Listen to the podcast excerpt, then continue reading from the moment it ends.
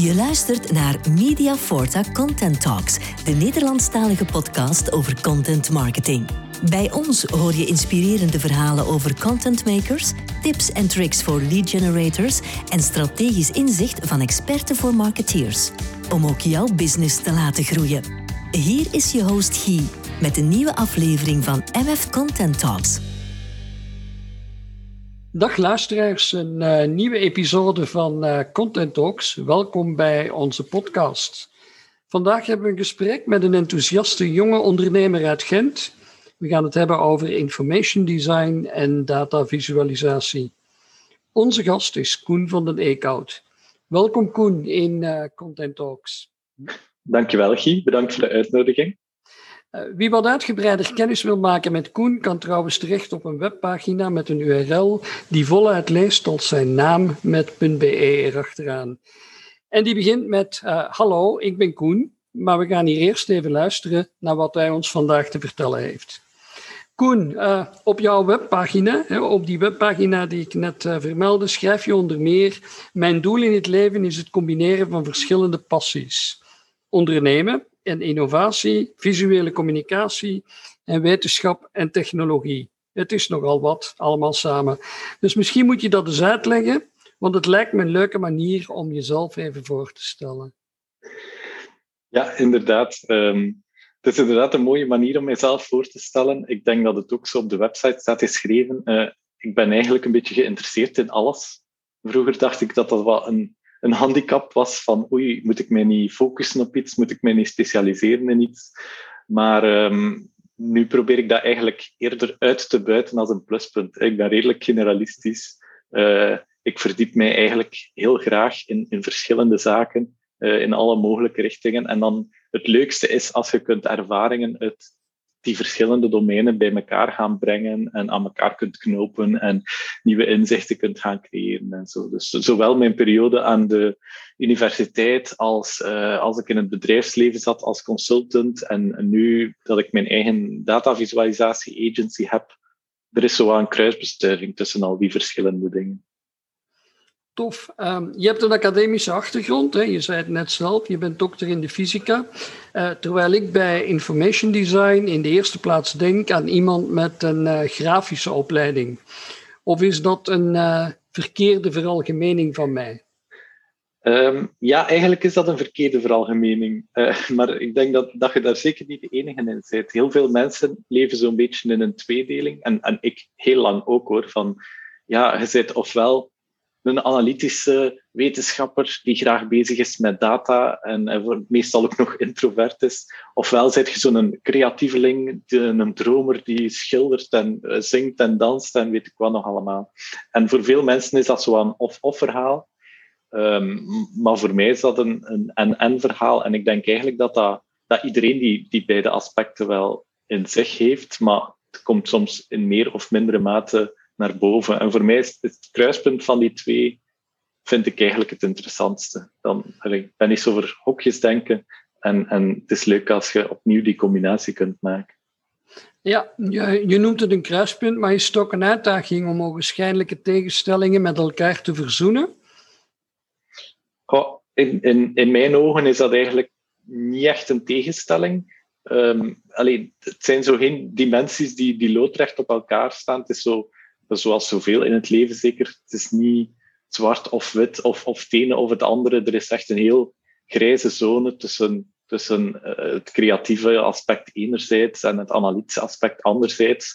Um, en, en die grijze zone verkennen vind ik, vind ik het boeiendste. Het is wat, ja, een vraag kan meerdere antwoorden hebben of, of er hoeft niet altijd één waarheid te zijn. Je kunt, je kunt naar iets kijken of naar iets kijken met een creatieve bril of met een analytische bril of met een communicatieve bril. En dat gaat u telkens een, ander, uh, een andere dimensie van het antwoord of van de waarheid geven. Ja, ik ben het helemaal met jou eens dat we misschien te veel in hokjes denken en te weinig die uh, interessante grijze zone verkennen. Uh, Koen, we gaan het hebben over uh, information design en datavisualisatie, want dat zijn de specialismen die jij met jouw bedrijf in de markt zet. Op de website barion.be, want zo heet je bedrijf, lees ik. Ehm, We turn complex information into powerful visuals. Wat is dat voor jou, een uh, powerful visual? Ja, nu zijn we vertrokken. Uh, een, een, powerful visual, ik vind dat, je zou dat ook een effectieve visual of zo kunnen noemen, maar voor mij is dat een visual die, die een doel bereikt uh, die erin slaagt om, ja, om iemand ergens bij te doen stilstaan of ergens over te doen nadenken of een inzicht te verwerven dat je daarvoor nog niet had. Ik zeg altijd van een, een, een goede visual toont u de data zoals dat is, maar een, een krachtige visual of een, een powerful visual, als je het zo wilt zeggen, die gebruikt die data eigenlijk om ook echt een verhaal te gaan vertellen. Dus het is meer dan gewoon het tonen, maar het is eigenlijk echt een, een powerful visual is een communicatiemiddel om, om iets te gaan vertellen. Oké. Koen, de wereld vandaag, hè, de wereld waarin we vandaag leven, die is inderdaad behoorlijk complex. En, en, en als je dan niet slaagt om dat eenvoudig voor te stellen, dan is dat inderdaad logischerwijze veel gemakkelijker om te begrijpen. Hm? Maar ik zie ook visuals waar je, je bijna een legende of handleiding bij nodig hebt om ze te begrijpen. Waar ligt dan precies het verschil tussen daadkrachtige voorstellingen en, en, en anderzijds die hype om, om mooie plaatjes te maken? Ja, iedereen die bezig is met zo datavisualisatie of informatievisualisatie heeft een beetje zijn eigen insteek daarin. Um, ik probeer mij altijd te richten op visuals die tegelijkertijd um, helder zijn, correct ook uiteraard en, en aantrekkelijk om naar te kijken. En die drie dingen moeten een beetje gecombineerd zitten in één visual. Het is meestal makkelijk om er twee van de drie of zo te gaan combineren, maar dan krijg je rap, ja, bijvoorbeeld een, een visual die er prachtig uitziet, maar die heel veel tijd vergt om naar te gaan kijken, zoals dat gezegd, en waar je een beetje moet gaan ontcijferen van wat staat hier nu eigenlijk op. Um, en in, in sommige, sommige domeinen hebben daar wat meer last van dan andere. Ik kom zelf uit de academische wereld. En als ik nu nog opdrachten doe voor academische klanten, ja, die willen graag ja, tonen hoe complex dat iets is of hoeveel werk dat er ergens is ingekropen. En dan, dan krijg je visuals die er ook heel complex uitzien. Terwijl het eigenlijk juist meer een uitdaging is van, kunnen we eigenlijk geen visual maken die het op een eenvoudige manier uitlegt. Dat, dat, ver, dat vergt vaak veel meer denkwerk, maar dan eindigen met visuals die die eigenlijk die beter werken en die aangenamer zijn om naar te kijken. Ingaand op dat uh, denkwerk, is er ook een wetenschappelijke reden waarom we vaak een grafische voorstelling veel sneller begrijpen? Um, zeker. Het, het, gewoon al de keuze voor visuele informatie um, zorgt er eigenlijk voor dat je veel meer informatie kunt gaan verwerken op een korte tijd of op een kleine oppervlakte. Het is het zo, de cliché-uitspraak van uh, een, een, een, afbeelding zegt meer dan duizend woorden. En dat, maar dat is ook gewoon zeker waar. Je kunt uren naar een bepaalde dataset zitten kijken of je kunt uren spenderen om een tekst te lezen, terwijl je hetzelfde vaak gewoon op een heel beperkte oppervlakte in een visual kunt gieten en in een paar seconden ziet je het en, en ziet je wat dat er gaande is. Hè. Dat, dat, is dat is één aspect eraan.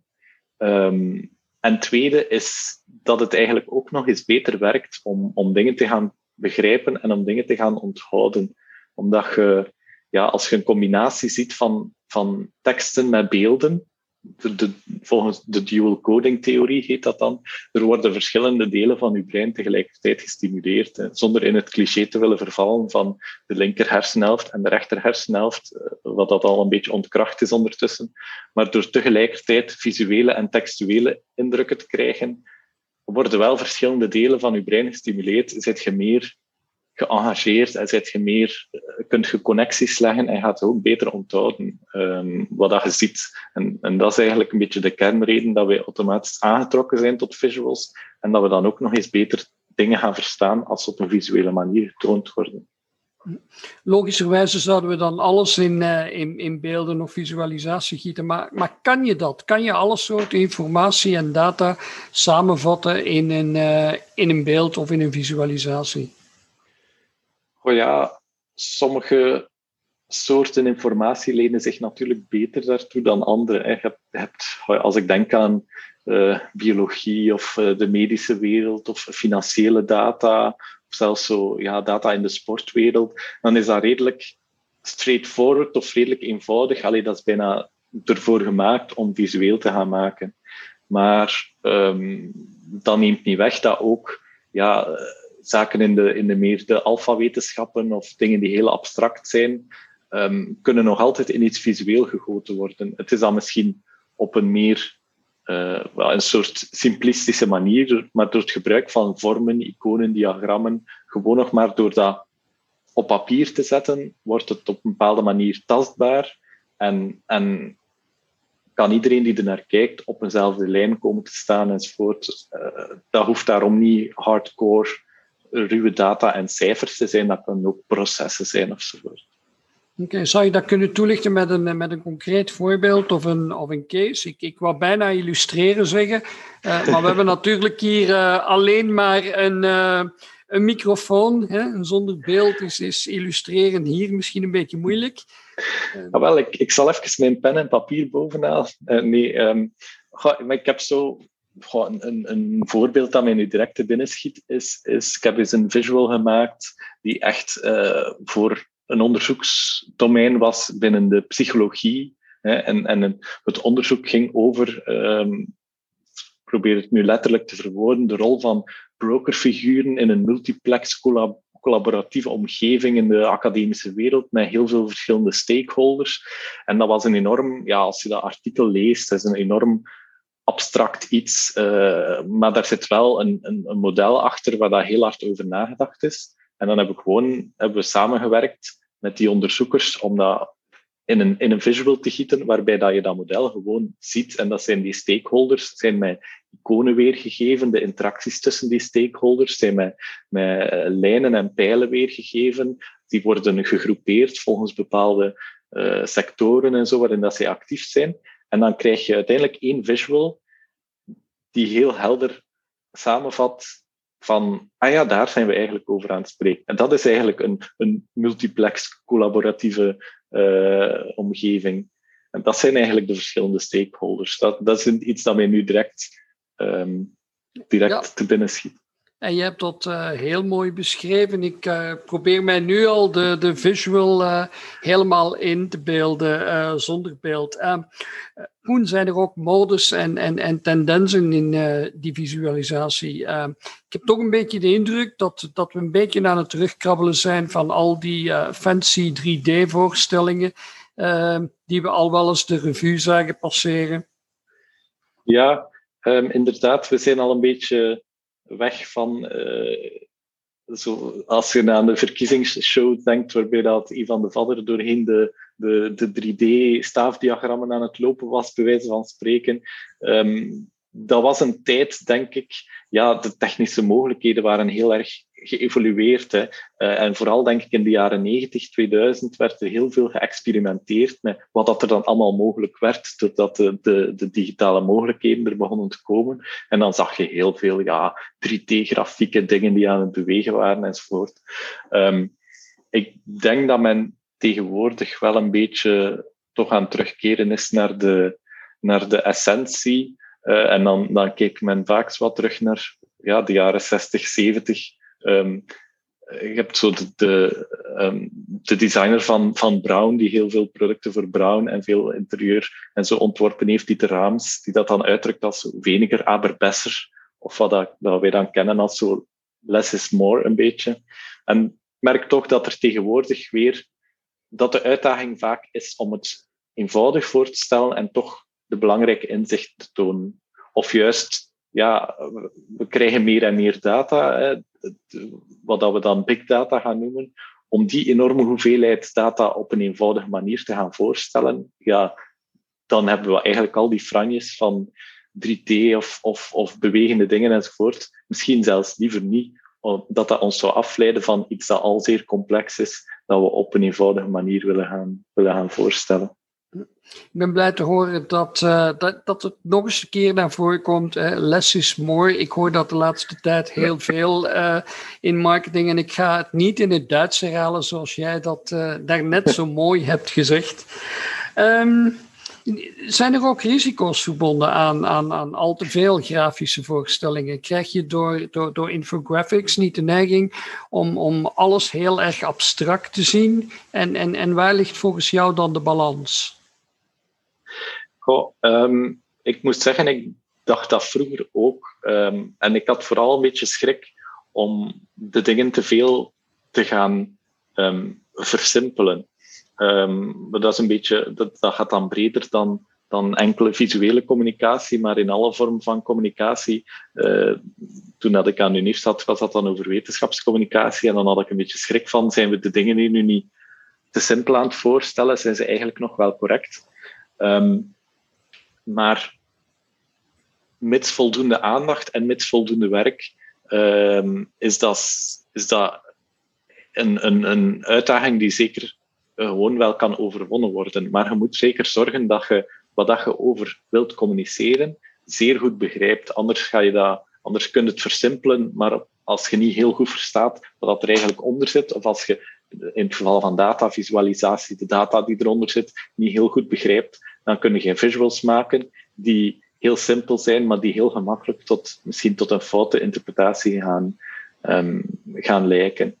En ja, eh, is dat een, is, is er een risico? Ik denk dat je altijd een, een balans nodig hebt tussen, tussen verschillende aspecten, tussen heel eenvoudige visuals en tussen misschien visuals of zelfs gewoon teksten die wat dieper graven. Een beetje zoals in een krant, dat je een combinatie gaat hebben tussen korte artikels en diepgravende artikels. Ik denk als je echt volledig dingen wilt begrijpen, ga je een beetje van alles nodig hebben.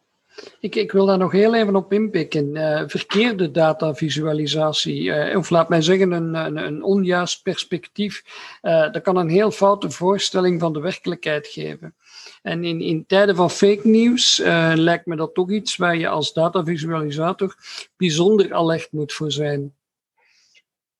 Ja, um, ik denk dat je daar als kijker ook alert voor moet zijn. Je kan zowel bewust als onbewust uh, gemanipuleerd worden, natuurlijk, zo'n zo'n visualisatie.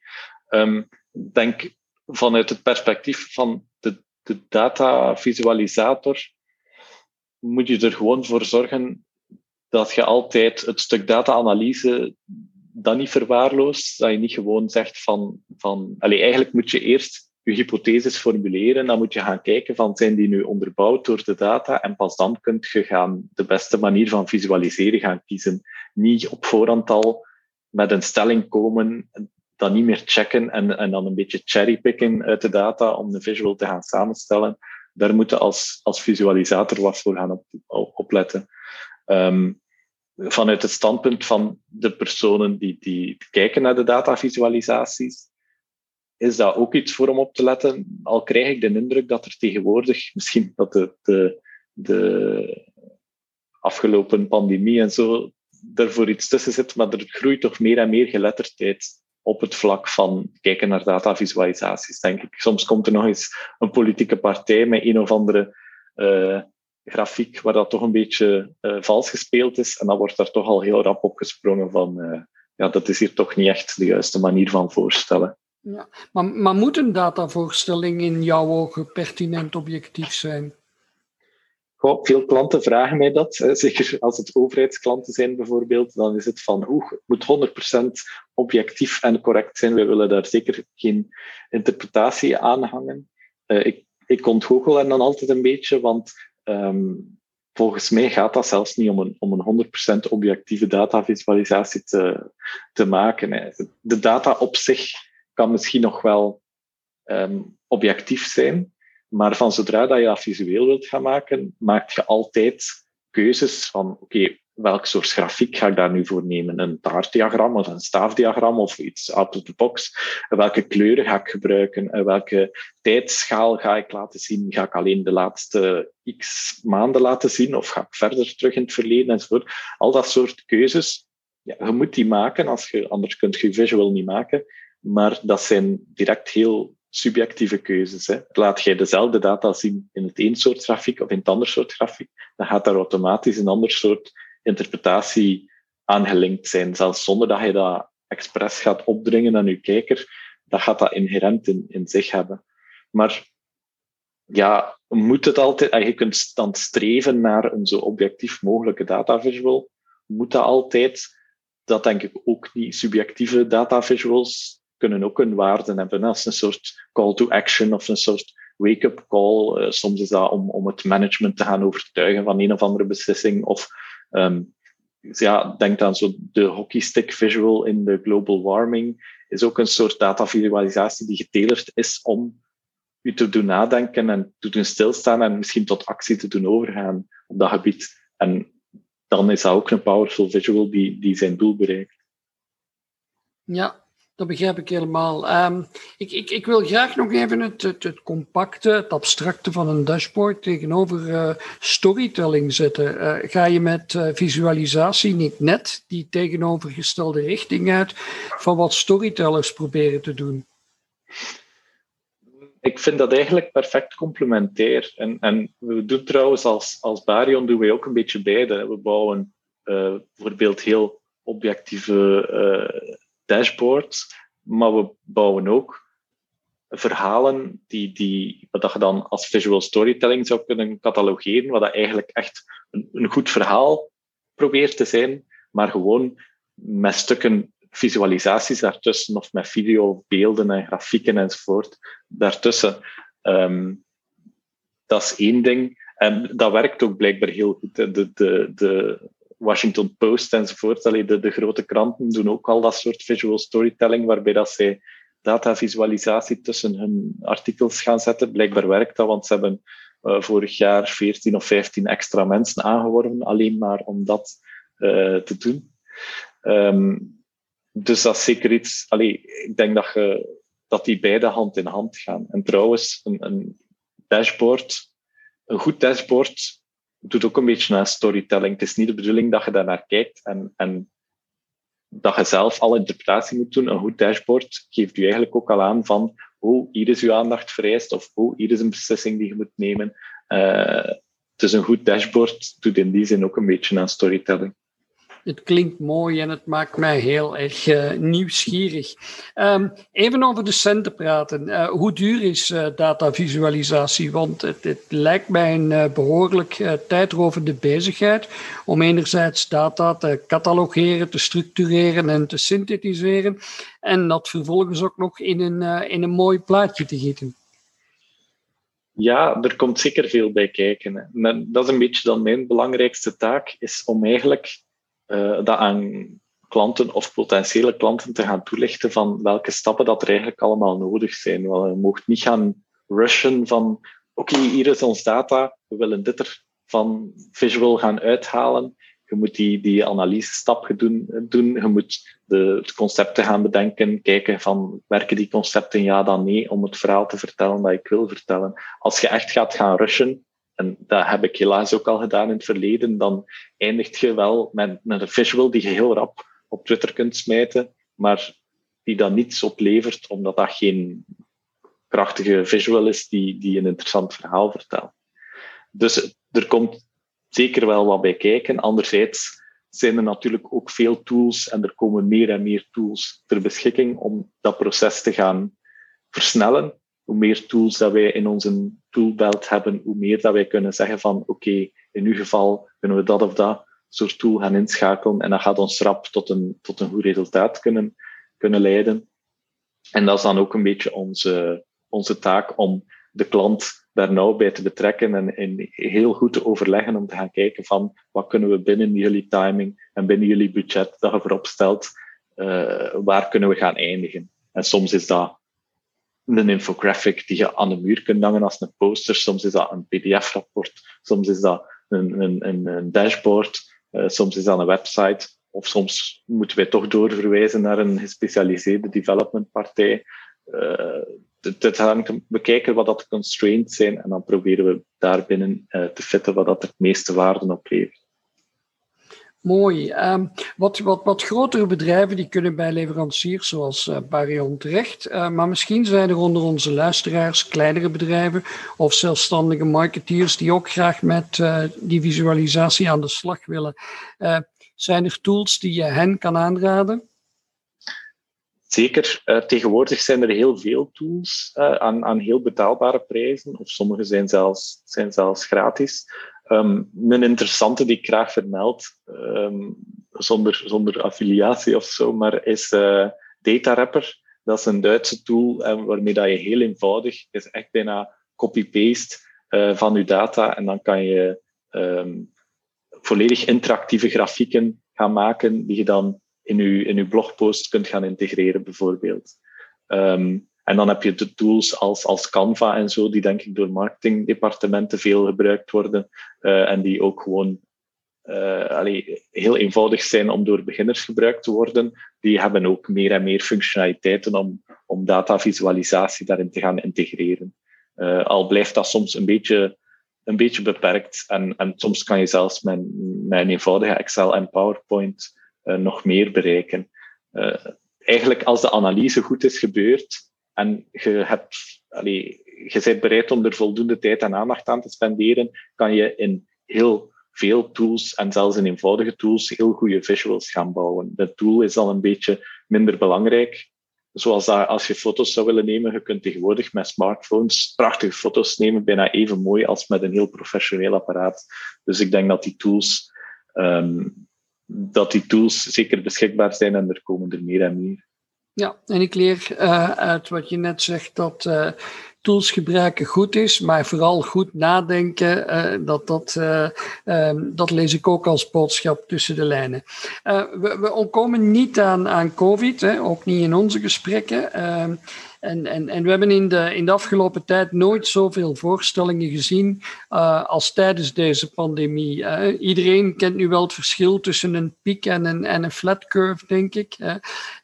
Is een glorietijd voor de sector?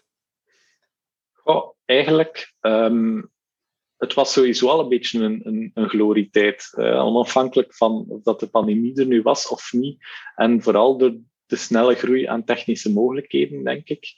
Um, maar dat, wordt, dat proces wordt altijd nog verder versneld als er complexe dingen moeten worden uitgelegd. En typisch is dat als je zo wat gaat terugkijken naar de geschiedenis van de datavisualisatie, op momenten dat er verkiezingen zijn, en dan voornamelijk verkiezingen in Amerika natuurlijk, dat er daar veel aandacht naartoe gaat. Of als er grote sportevenementen zijn, zoals de Olympische Spelen of uh, het WK enzovoort, zie je ook plots heel veel, zo'n beetje een surge in, in um, in datavisualisatie. En ja, de, de pandemie was daar natuurlijk wel een beetje uitzonderlijk in. Um, in, in complexe dingen die moesten uitgelegd worden. En ik denk dat vooral ja, datavisualisatie zich een beetje bewezen heeft daarin, of, of nog net dat stapje matuurder dan geworden is. Ik vond het heel interessant om bijvoorbeeld, ja, zeker in zo de eerste weken van de lockdown en zo, zag je heel veel dingen in dat gebied nog evolueren. Als je zag hoe dat de, de kranten en de, en de tv-stations alles van, van data en van complexe zaken visualiseerden. En je zag dat bijna aan. De week daarna probeerden ze een andere manier. En dan was er ergens een krant in, in, uh, in Amerika of in het Verenigd Koninkrijk die een nieuwe manier had gevonden om iets visueel te maken. En dan namen andere, uh, andere partijen dat over enzovoort. Dus, dus eh, om die evolutie te zien was uh, van, vanuit mijn standpunt heel interessant om, om dan toch nog iets positiefs uh, aan de pandemie te zien. En ik denk dat er ook heel veel nieuwe mensen daardoor wel um, ermee aan de slag zijn gegaan en, en gezien hebben van, ah, zo datavisualisatie is eigenlijk wel, uh, is eigenlijk wel een toffe manier om, om complexe dingen te gaan, te gaan voorstellen. En ik denk dat er altijd, allee, denk dat er meer dan genoeg data-uitdagingen nog op ons afkomen. Dat uh, hoe meer mensen dat er mee bezig zijn, hoe beter. Boeiend en, en, en, en toch weer een positieve noot gegeven aan uh, uh, de pandemie die ons omringt.